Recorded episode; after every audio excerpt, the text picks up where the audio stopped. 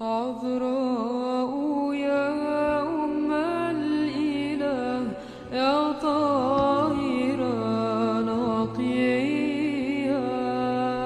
La det forgjengelige lys fra din åpenbaring skinne i våre hjerter, o menneskekjære Herre. Måtte du opplyse våre sinn når vi leser om dine hellige tjenere. Lær oss ved deres eksempel å leve i lyset, slik at også vi kan leve for deg, vår Herre og velgjøre, for du er god og elsker menneskene. Den 3. september minnes vi vår ærverdige fader Theoktistus. Fra sin tidligste alder av forlot vår hellige fader Theoktistus sitt fedreland og sine foreldre for å innvie seg til kjærligheten til Gud alene på de hellige steder i regionene rundt Jerusalem. Etter å ha æret det hellige korset og oppstandelsens basilika, trakk han seg tilbake i en lavra i Faran, som lå seks romerske mil fra Jerusalem. Der lukket han seg inne i en liten celle for å kjempe mot sine lidenskaper og mot demonene. Det var på den tiden at Eftymius den store forlot sitt fedreland i Armenia for også å komme og bo i denne lavra, hvor asketene kappes som bedrifter.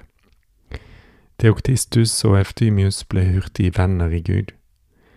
Deres felles kjærlighet til Kristus og deres iver for å flette dydenes æreskrone sammen med askesens møye forenet deres hjerter i en så stor åndelig hengivenhet at de hadde bare én felles tanke, en og samme måte å leve på, og oppviste seg så å si i en eneste sjel i to kropper.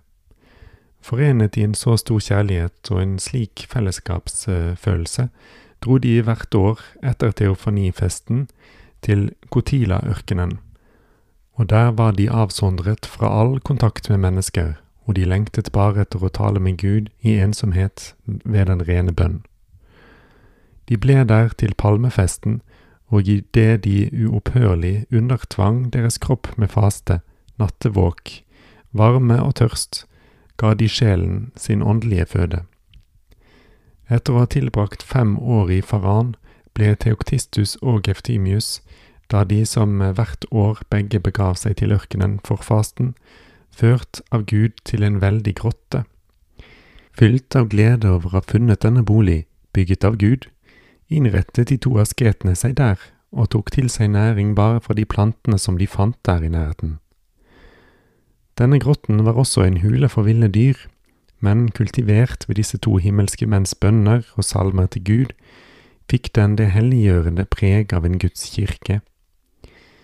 Men likevel kunne deres dyd ikke lenger skjules for menneskene. En betydelig skare brødre som strømmet til fra alle steder, kom snart for å be dem om å praktisere askesen under Eftimius og Theoktistus' veiledning. Eftimius foretrakk framfor alt ensomheten, derfor overlot han hver av dem som ville gi avkall på verden, til den ærverdige fader Theoktisti sin omsorg. Og denne som ikke kjente til å være ulydig, handlet i alt etter anvisninger fra sin venn og far i Kristus. Litt etter litt ble dette avsides stedigere et kenobium. Det betyr et kloster der alle munkene deler det samme i et felles liv, med grotten som kirke og Theoktistus som abbed, mens Eftimius for, sitt, for sin del trakk seg tilbake i den dypere ørkenen. Slik gikk årene, Eftimius vokset mer på ensomhetens vei, og Theoktistus strålende som del av et fellesliv. Men begge bevarte de uløselige kjærlighetens bånd. Theoktistus nådde en høy alder, og da han ble alvorlig syk, sovnet han i fred i Herren den 3. september året 467.